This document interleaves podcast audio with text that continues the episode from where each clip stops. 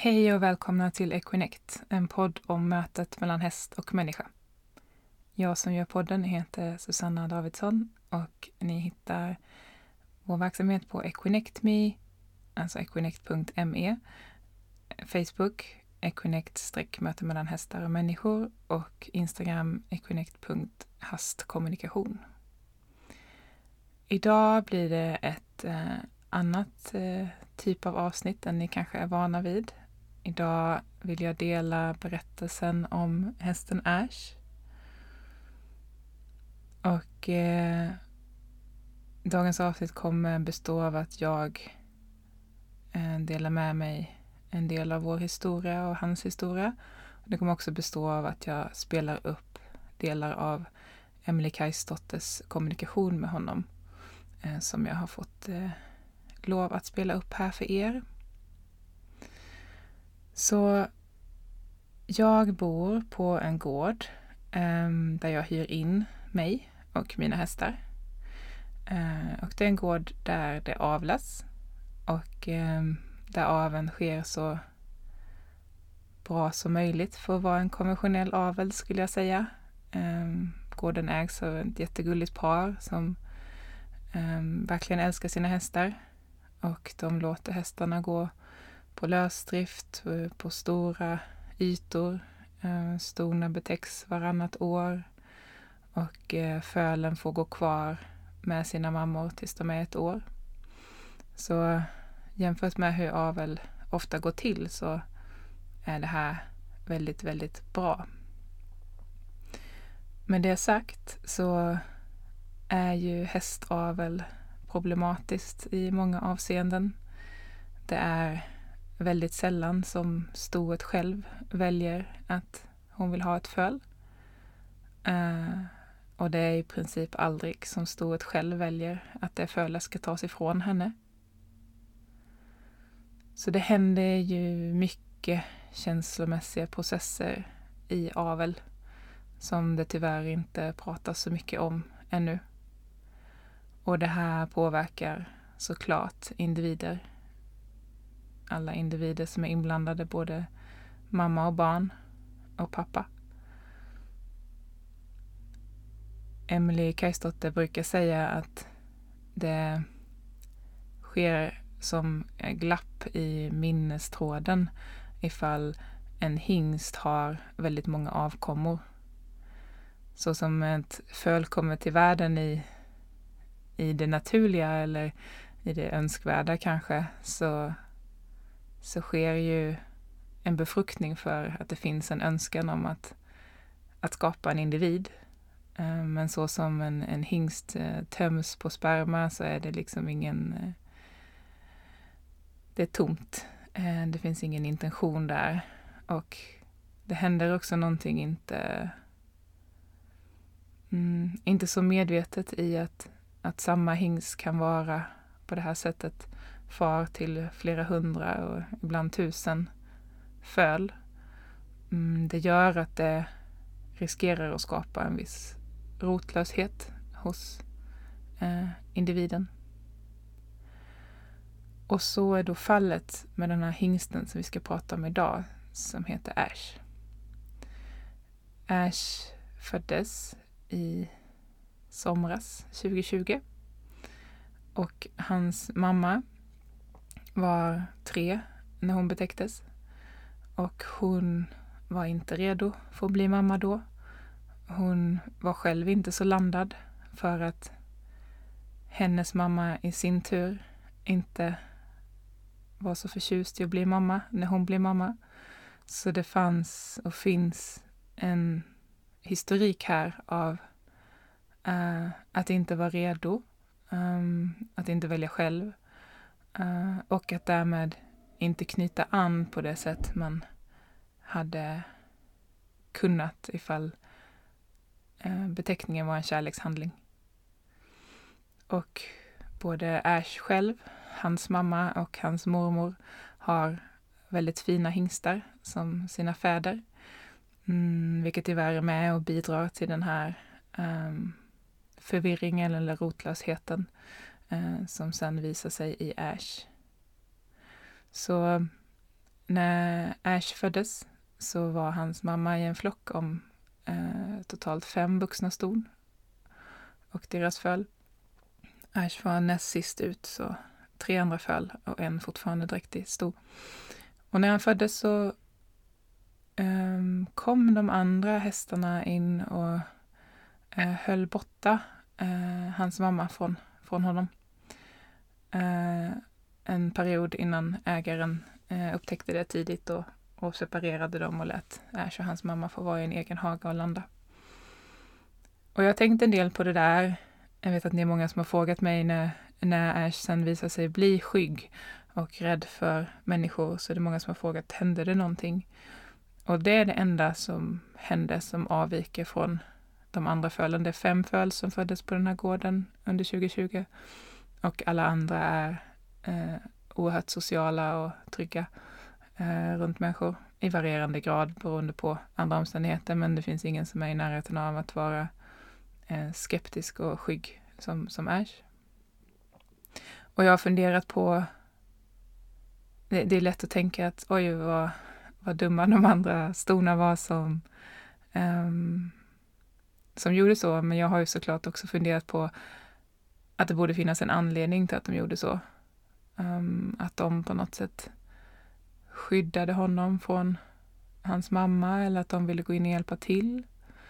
Um, och det vi kommer att lyssna till i Emelies eh, samtal med Ash kommer delvis komma in på det här, så vi kan komma tillbaka till det sen, men det är en del av det i alla fall.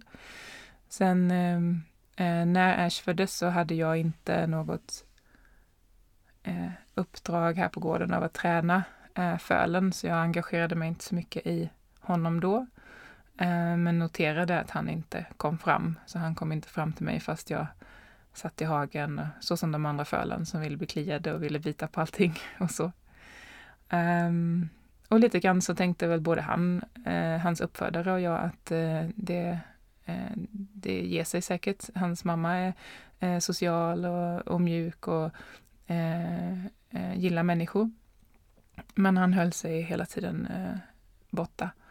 Det blev också tydligt att allt eftersom tiden gick att, att hans mamma inte trivdes i sin mammaroll. Hon ehm, Eh, bet och sparkade mot honom, föste undan honom, var inte lika knuten till honom som de andra stora eh, är till sina barn.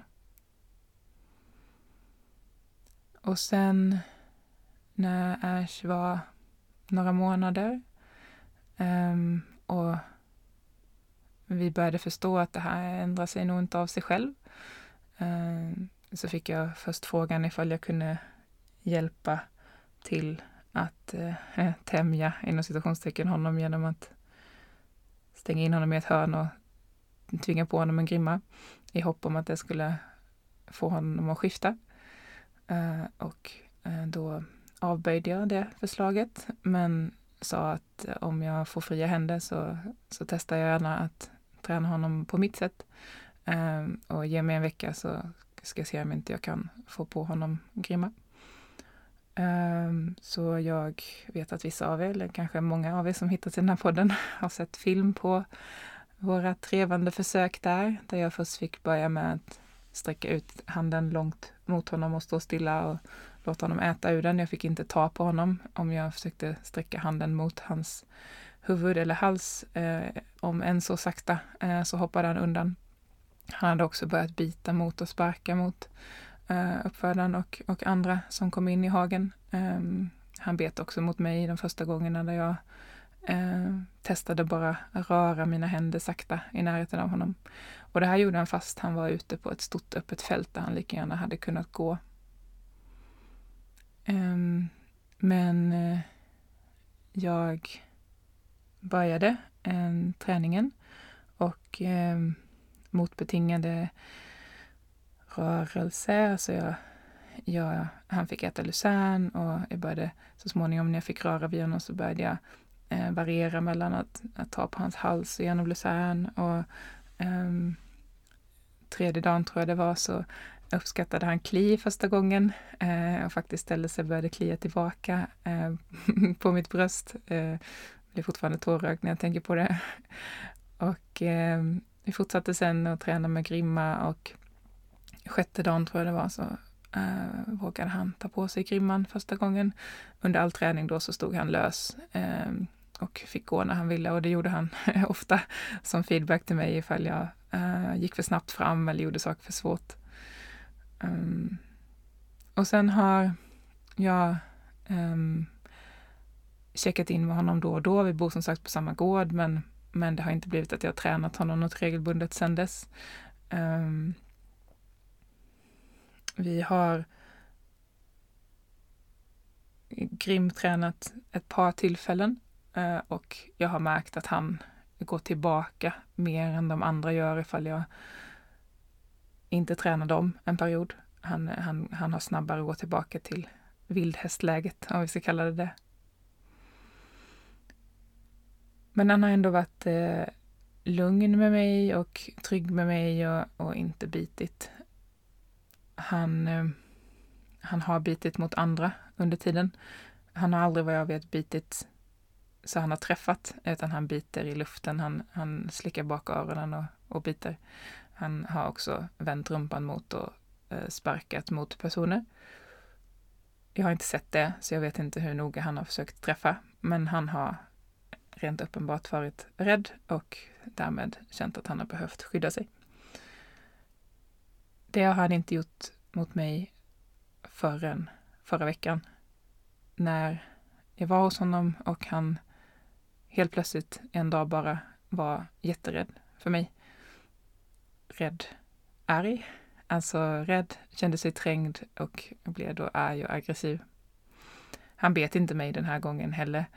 Han bet i luften och flyttade på sig, men han var uppenbart jätteoroad. Och det gjorde mig så väldigt eh, bekymrad och nedslagen för även om jag förstår att han till viss del har en dålig förväntan av människor så hade han dittills inte generaliserat den till mig. Och ingenting hade hänt mellan oss som fick mig att tro att det skulle ha ändrat sig. Och jag blev också stressad över att jag har fått det här uppdraget av uppfödaren att eh, fixa, inom citationstecken, honom. Och han är den svåraste häst jag någonsin har mött när det gäller reaktivitet och aggressivitet. Eh, och jag blev oroad över att hon kanske skulle tänka att de här metoderna inte funkar och eventuellt skicka iväg honom till någon som skulle använda tvång och våld. Och jag vet redan hur den historien i så fall skulle sluta. Att den skulle slutat med att han skadade någon och avlivades. Um, så då bad jag Emily prata med honom. Jag hade en känsla för hur han mådde. Um, men um, behövde höra om jag överdrev eller inte.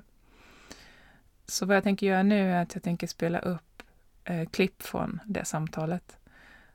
Och eh, så pratar jag vidare med er efter det. Jag kommer inte ta riktigt hela samtalet, men jag kommer Eh, spela upp lite bitar. Så om det blir lite hackigt eller någon sekund som är tyst så är det eh, för att jag letar i filerna.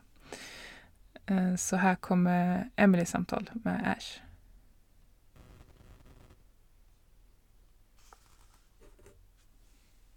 Ehm, den första känslan som dyker upp för mig är ehm, förvirring. Ehm,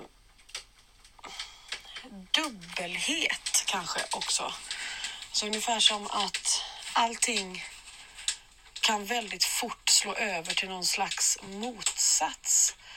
Eh, det, är väldigt svårt att hålla reda på vad är in och utsida, vad är trygghet och inte. Om man tänker att det friska skulle vara att eh, eller en eh, balanserad utgångspunkt skulle vara att Eh, jag vet vad som är flocken och där har jag min trygghet och jag vet vad som är utanför flocken som jag eventuellt behöver akta mig för eller skydda mig mot. Om man tänker sig att det här har liksom blandats ihop och också kan slå över i sin motsats på ett för honom liksom irrationellt och ologiskt sätt eh, hela tiden så blir världen eh, fruktansvärt svår att leva i eller förhålla sig till. Eh, så hans känsla är att han är totalt eh, utlämnad. Alltså det, det första han möter egentligen är, är rädsla eh, och en sorg, tror jag, ifrån hans mammas sida. Som möjligtvis inte kommer fram för att det är så lätt att möta henne i den här lite mer happy-go-lucky ytan. Och det som är hennes försvar, alltså det är lättare att möta henne i ilska eller ungefär som någon eh, som skämtar bort eh, allvarliga känslor liksom, än att se hennes sorg. Eh, så hans, hans ena önskan är ju att man möter hans mamma på ett betydligt djupare plan än vad som verkar ha skett hittills. Därför att det finns saker i henne som behöver uttryckas som inte det på något sätt är bekvämare för alla att det inte gör det, men det hjälper inte honom. Eh, och såklart i förlängningen inte henne heller.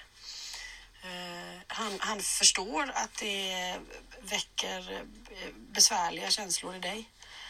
Men han kan inte erbjuda något behagligare alternativ. Alltså det här, den här situationen är vad den är.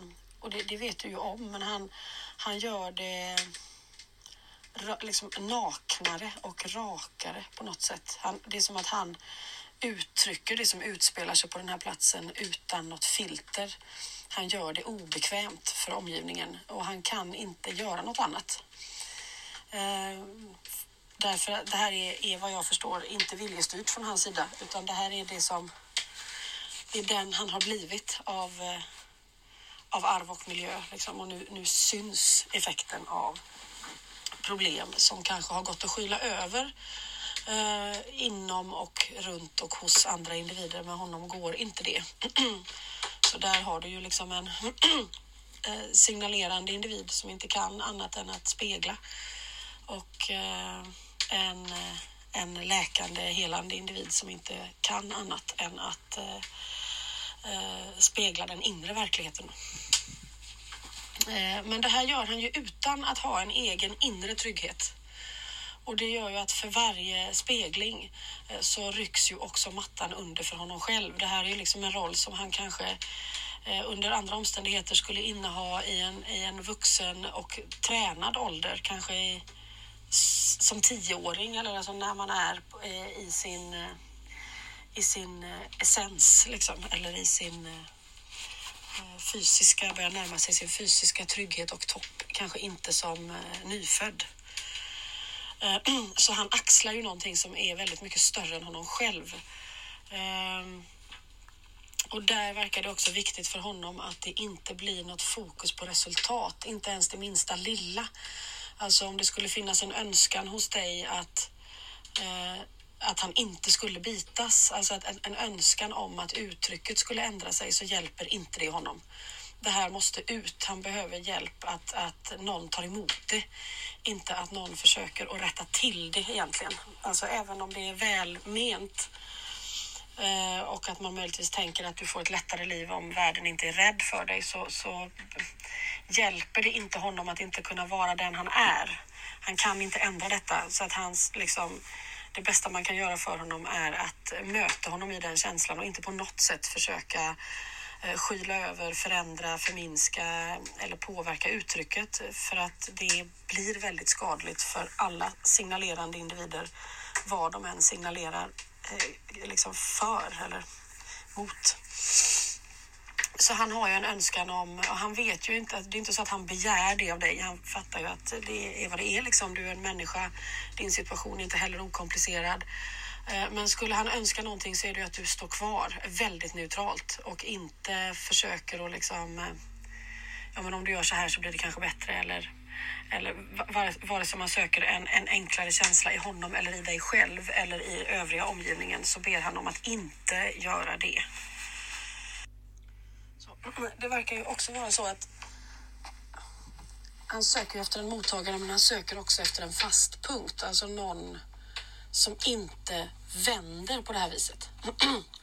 Och det kan ju vara rent konkret som att eh, eh, någon, eh, man ser inte vem här alls, men det ser inte ut som du, men att man först liksom till exempel gullar eller är väldigt oh ja, och sen plötsligt slår över till att vifta bort honom eller eh, det är ju som att han lever i en värld som saknar förankring, alltså där individer inte känner sig själva. De kan bli vad som helst, när som helst, hur som helst. Eh, det, det, om man sätter sig in i den bilden, är extremt opolitlig tillvaro. Eh, och anledningen till att han verkar eh, Eh, rikta en del ilska mot dig nu är det som nämndes precis nyss. Alltså att det, han hittar ingen annan mottagare och kan han inte uttrycka sig så blir han det känns som att kan kan jag inte få ur mig känslan så blir jag nog tokig på riktigt. Liksom. Därför att världen är så irrationell att man håller, att man håller på att tappa fotfästet ändå. Liksom. I den yttre världen så verkar det som att han egentligen mest av allt skulle längta efter att få bara gå i en hage. Eh, på bilden är det gräs och det förstår jag ju att det inte är nu. Men- Men eh, eh, lite som att man har en lång, väldigt händelselös period, motsatsen till de här tvära kasten. Liksom. Eh, att bara bli lämnad i fred under en mycket lång period eh, Eh, skulle han önska sig. Eh, han förstår att eh, det kanske inte är möjligt. Han förstår också att eh, alltså vad du kan göra eller inte göra med den önskningen. är Han, det, det är inte så att han lägger det på dig, men du, du har frågat vad han vill och han svarar. Liksom. Eh, han är inte alls säker på att ett liv med mänsklig inblandning är för honom. Och han är medveten om att hästar som inte löser det eh, kanske blir avlivade.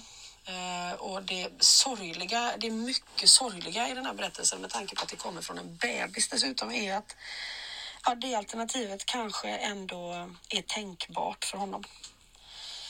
Eh, då tänker ju jag att eh, nej, det, nej, eh, det är inte bra eh, alls att tänka så. Men eh, jag förstår också varför han på ett ganska rationellt sätt drar den slutsatsen. Eh, det här livet kanske inte går att leva eh, och då finns det en frihet på andra sidan. Verkar uppleva huvudvärk. Eh, den här ständiga anspänningen skapar ju också en trötthet. Så att det finns ju en trötthet utöver den han beskriver i stunden också. Där man egentligen bara skulle vilja vila, alltså sova. Det är som att han går aldrig ner i total vila. Det är möjligt att det skulle kunna hjälpa honom att man andas tillsammans med honom. Ehm, och då har man igen bilden av den här eh, grässituationen, gräshagen. Där, eh, ehm, och man ser bara honom där. Det, det, är inte, det kan man notera att det är inte en flock liksom, utan det är, bara hon, det är bara han och gräs på den bilden. Eh, och det djur som önskar sig den typen av lösning eh, brukar, i min erfarenhet, att de brukar vara på väg mot utbrändhet. Eller vara i utbrändhet.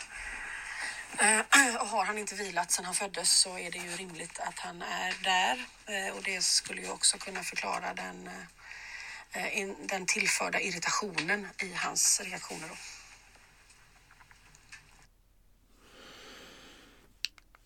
Okej. Då är jag tillbaka igen. Eh, det var så lite klipp. Om ni tyckte att det ibland var utan sammanhang så, så är det för att jag inte tog med riktigt allt av olika anledningar. Men eh, att, eh, att höra att en så ung individ eh, vet vad livet som livet i människans värld, särskilt om man har en så fin stam som han har, innebär. Um, och därmed vara beredd att, att släppa det här livet uh, eftersom han inte passar in i den världen. Mm. Det är så oerhört tungt att höra. Mm. Så om vi bara tar ett, om vi bara tar ett par andetag på den eh, tillsammans.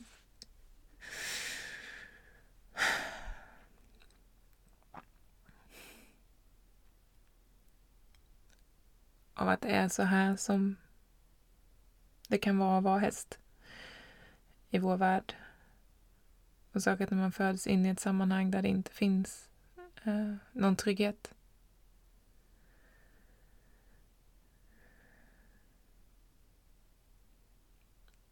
Och när jag lyssnade på det här och sen pratade vidare med Emelie om det så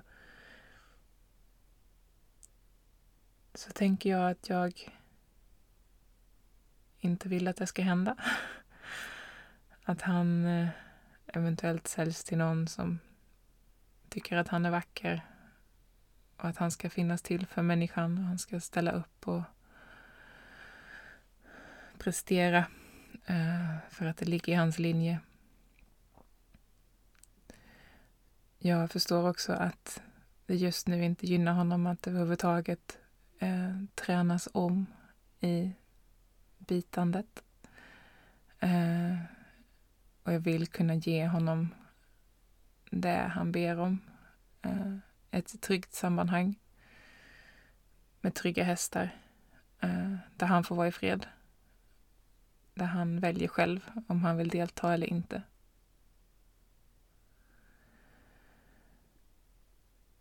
Innan jag kommer vidare till mina önskningar där så vill jag också bara uppdatera lite om vad som har hänt efter, efter att jag fick tillgång till det här samtalet uh, för en vecka sedan nu ungefär.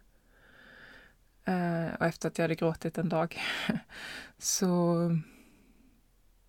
har jag spenderat dels tid med hans mamma uh, för att ta in henne mer och Eh, hjälpa till och bearbeta det hon bär på som som hon inte fick läka när hon var liten eller den, den tryggheten som hon inte fick när hon var liten.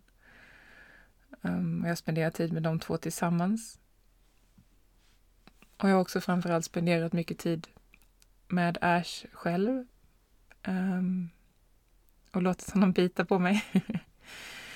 uh, få ut få ut känslan. Uh, första gången som jag var, eh, han står tyvärr fortfarande på box ehm, men den första kvällen som jag var hos honom och eh, andades med honom så stod han med mig en stund och sen väldigt bestämt så gick han och la sig. Eh, och sov. Det är också någonting med honom. Jag har tolkat honom, precis som Emily, som spejare men också eh, healer. En kombination som jag inte har fått ihop för att jag har aldrig sett den innan i samma individ. Men jag förstår det bättre när jag hör Emelies eh, förklaring där av, av signalerandet av den yttre världen men också speglandet av den inre världen så som healen gör. Och också hur det här blir, blir en eh, reaktion, alltså en reflex hos honom. Det är inte något han styr över. Att han uttrycker det som kanske många individer i avel känner ehm, men inte uttrycker på samma nakna, rättframma, ohejdbara sätt. Ehm, det är inte för att han väljer att uttrycka det, det är för att det är en reflex. Ehm, han är gjord för att spegla och han speglar. Och då blir det också tydligt varför jag just nu inte ska träna honom att sluta eh, uttrycka sig. Eh, att sluta bitas eh, och inte ens önska att han ska sluta bitas. Så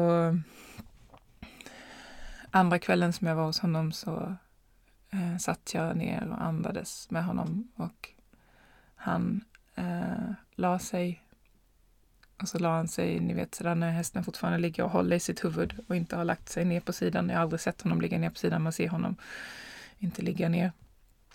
Eh, jag har sett det två gånger ena gången då när jag verkade honom, som vissa av er har sett.